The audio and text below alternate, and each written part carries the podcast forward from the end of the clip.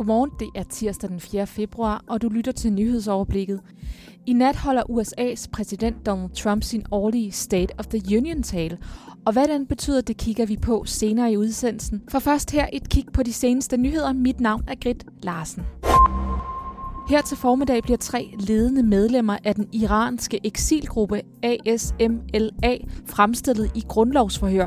Mændene er sigtet af politiets efterretningstjeneste for spionage her i Danmark begået i årene mellem 2012 og 2018. Alle tre kræves varetægtsfængslet. Som følge af situationen blev der i går afholdt et ekstraordinært møde i Udenrigspolitisk Nævn, og desuden har Udenrigsministeriet indkaldt Saudi-Arabiens ambassadør her i landet til en samtale. Vi vil ikke acceptere, at der finder stedfortræder krig på dansk jord. Det sagde udenrigsminister Jeppe Kofod.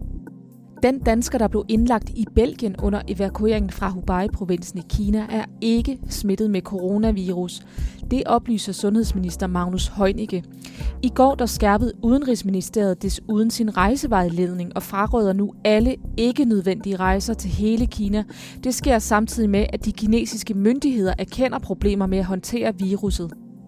Herfra der vender vi blikket mod USA og rigsretssagen mod den amerikanske præsident Donald Trump. De demokratiske anklager og de republikanske forsvar har nu afsluttet deres endelige procedurer. Men som det ser ud nu, så er der intet, der tyder på, at senatet vil kende Trump skyldig og dermed afsætte ham på præsidentposten. Der skal nemlig to tredjedels flertal til, men Trumps republikanske partifælder sidder på 53 ud af de 100 pladser i senatet, og ingen af dem har vist tegn på at ville stemme imod præsidenten. Og vi bliver faktisk hos netop Donald Trump. For i nat, dansk tid, der afholder den amerikanske præsident nemlig sin State of the Union-tale. Her giver den siddende amerikanske præsident traditionelt set sin årlige vurdering af nationens tilstand, og ifølge USA kender Anders Agner, som følger amerikansk politik tæt som redaktør på mediet Kongressen, så kommer årets State of the Union-tale til at handle om Trump selv. Et godt bud på, hvad der står på Donald Trumps talepapir, når han skal holde sin State of the Union-tale, det er, at han vil fortælle, hvor godt det går i USA, og hvor godt det går med den amerikanske økonomi, hvor øh, gode nøgletal der er, og hvor meget vækst der er i samfundet, hvor mange penge middelklassen pludselig har i deres tankebøger, og hvor mange arbejdspladser der bliver skabt. Og så vil han alt sammen linke det sammen til, at øh, det er hans fortjeneste, det er hans administrationspolitik, der virker, det er hans skyld, at det er gode tider i Amerika. Uanset politisk ståsted, så ser de fleste både demokrater og republikanere med.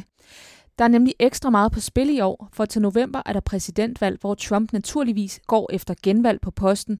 Derfor er State of the Union-talen et unikt talerør til de millioner af amerikanere, som senere i år skal i stemmeboksen. Dels for at generobre sine stemmer for 2016-opgøret mod Hillary Clinton, men også for at vinde de demokratiske stemmer over det bliver nok svært, men han vil nok alligevel gøre forsøget, om ikke andet, så vil han i hvert fald også sende signalet til sin base, som ser med. Der kan I se, nu er det mig, der er præsidenten, det er mig, der er øh, lederen, det er mig, som har tankstokken, og under mig, der går det godt. Fordi hvis han stiller sig op og siger det modsatte, så er det næsten det samme som at forære politisk ammunition til demokraterne, og det har han ikke tænkt sig at gøre. Tværtimod så vil han fremhæve sig selv som en stor succes, når han nu har den amerikanske befolknings samlede opmærksomhed. Og opmærksomhed, det har han bestemt også herhjemmefra, lyder det fra USA-kenderen. Der bliver også til udenrigs- og sikkerhedspolitik i løbet af en State of the Union-tale. Der kommer præsidenten også ind på blandt andet USA's rolle i verden. Det er blandt også de konfliktområder, som USA er involveret i. Og det er klart, der vil man jo selvfølgelig også her fra Danmarks side sidde med spidsede ører, blandt andet i statsministeriet, udenrigsministeriet og i forsvarsministeriet, for at høre, hvad siger han i forhold til USA's internationale ageren, NATO i særdeleshed. Lød vurderingen altså fra Anders Avner, der er redaktør på mediet Kongressen. Trumps tale bliver sendt natten mellem tirsdag og onsdag dansk tid. Næste sommer der cykles Tour de France i gang fra Danmark. Startskuddet lyder i København, hvor første etape en enkeltstart køres fra. Næste etape fører feltet over Storebæltsbroen, mens den sidste etape er fra Vejle til Sønderborg, inden resten af løbet flytter til Frankrig.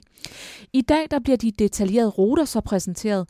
Det sker på et pressemøde med blandt andre Tour de France løbsdirektør Christian Prudhomme, Ifølge TV2's cykelekspert Chris Anker er det en kæmpe gave til den danske cykelkultur, at turen kommer til Danmark. Først og fremmest er det jo så fordi, at Danmark er jo kendt for at være en cykelnation, ikke kun racercykelmæssigt, men også bare generelt. Altså, der er masser af mennesker på vejene, og det er også noget det, Christian Prodom bliver ved med at sige, at København er jo cyklernes hovedstad. Erhvervsministeriet forventer, at over 900.000 tilskuere vil følge turen på de danske landeveje, og det bliver ganske specielt, lyder det videre fra Chris Anker. Der bliver sorte mennesker, det plejer der altid at være. Selvfølgelig også i Frankrig, men det, de gange, jeg jo selv øh, har kulturen nogle gange også prøvet at starte i udlandet, det er jo helt vildt, hvor mange mennesker der altid er. Så jeg tror også, man kan forvente en kæmpe fest. Det er bare øh, en speciel stemning, der er til turen, fordi der er så mange folk, der står der i, i siden af vejen og venter, og så kommer karavanen, og så kommer rytterne. Så det fællesskab, man kan fornemme der, det tror jeg er ret unikt, så det kan man godt glæde sig til. Her er tre øvrige begivenheder, du også kan holde øje med i dag.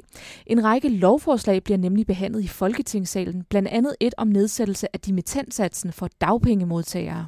Og så samles Alternativet til gruppemøde. Partiet skal finde en ny politisk ordfører, efter at Rasmus Nordqvist trak sig i går. Senere i dag der uddeler Kraftens Bekæmpelse sin hæderspris. Den bliver givet til en person eller en gruppe, som har gjort en særlig indsats for kraftområdet. Derfra et blik på vejret først skydet med byer mange steder lokalt, måske endda med slud.